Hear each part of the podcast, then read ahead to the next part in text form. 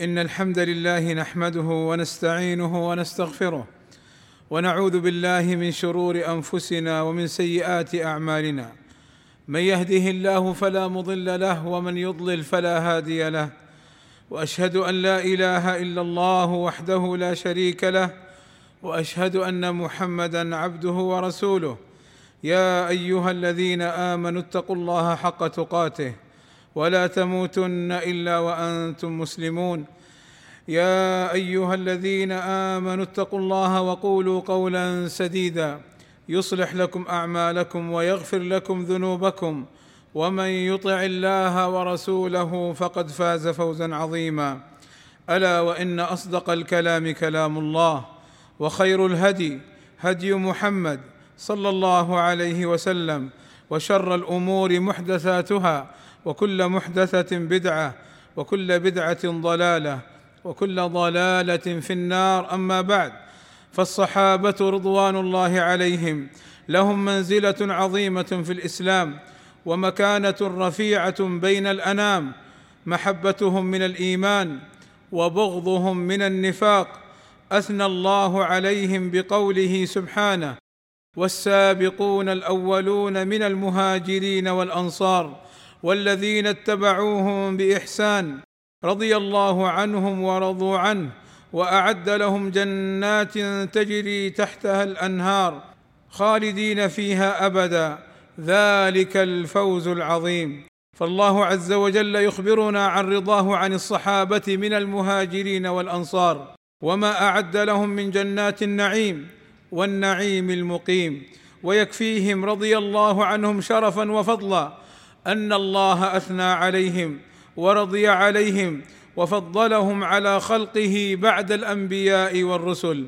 قال صلى الله عليه وسلم خير الناس قرني ثم الذين يلونهم.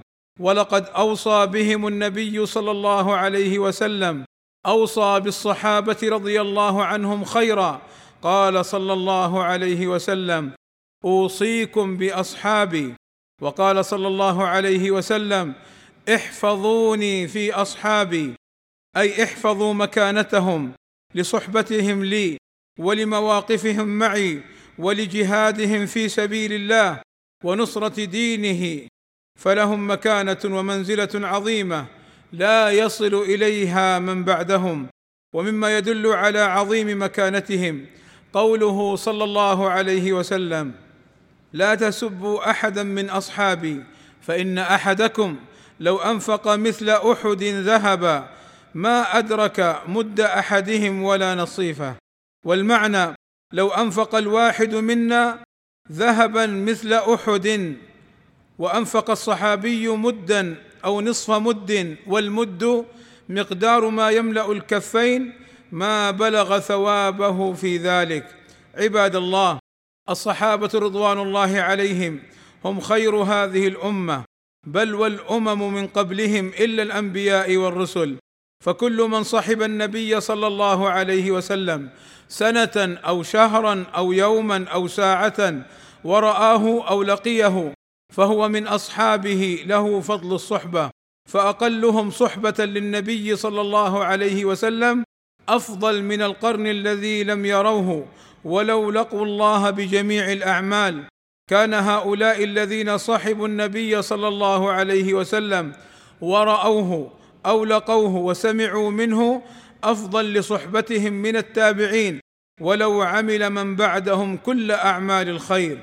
فتجب محبة الصحابة والترضي عليهم وعدم الخوض فيما حصل بينهم. بل يجب الإمساك عن ذلك. قال صلى الله عليه وسلم إذا ذكر أصحابي فأمسكوا. وبهذا نعلم بارك الله فيكم أن ما انتشر في بعض الأوقات من بعض الأشرطة والتسجيلات التي تتعرض لما حصل بين الصحابة رضي الله عنهم من شجار وخصام أنها أشرطة وتسجيلات فاسدة قد حذر منها العلامة ابن عثيمين رحمه الله تعالى والشيخ صالح الفوزان حفظه الله تعالى وبينوا أنه لا يجوز التعرض لما حصل بين الصحابة بل يجب الإمساك والترضي عليهم.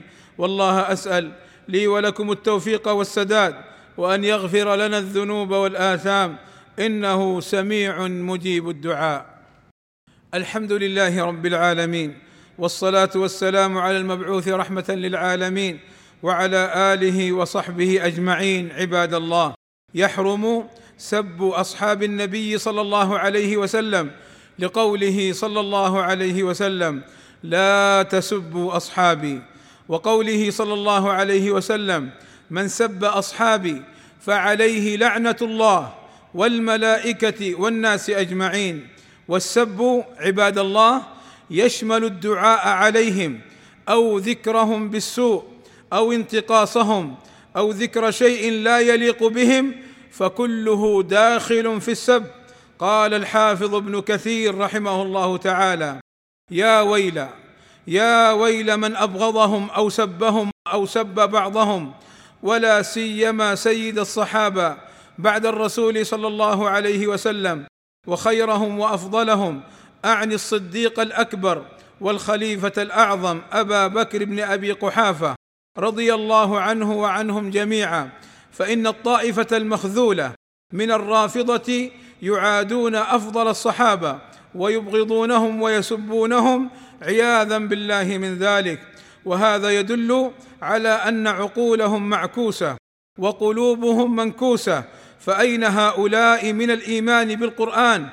إذ يسبون من رضي الله عنهم وأما أهل السنة فإنهم يترضون عمن رضي الله عنه ويسبون من سبه الله ورسوله ويوالون من يوالي الله ويعادون من يعادي الله وهم متبعون لا مبتدعون ويقتدون ولا يبتدئون ولهذا هم حزب الله المفلحون وعباده المؤمنون انتهى.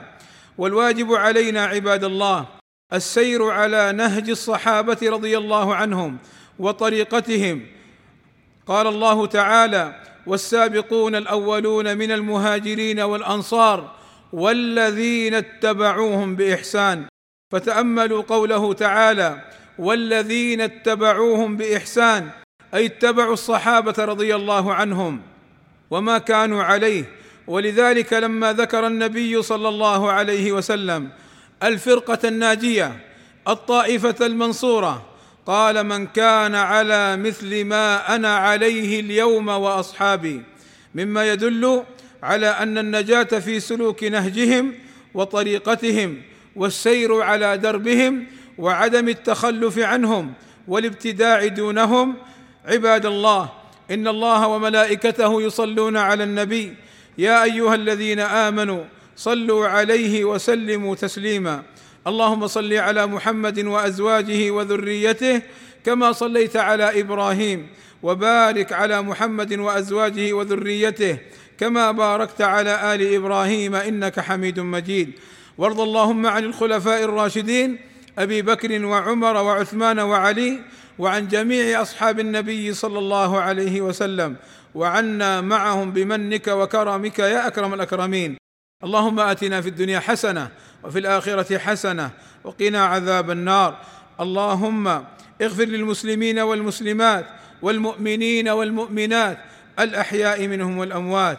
اللهم وفق ولي أمرنا الملك سلمان بن عبد العزيز لما تحبه وترضاه وأصلح اللهم به العباد والبلاد واحفظه اللهم من كل سوء ووفق اللهم ولي عهده الأمير محمد بن سلمان إلى كل خير وأحفظه من كل سوء. اللهم أيدهما بتأييدك ووفقهما بتوفيقك وأعز بهما الإسلام والمسلمين. وصلى الله وسلم على نبينا محمد وعلى آله وصحبه أجمعين. والحمد لله رب العالمين.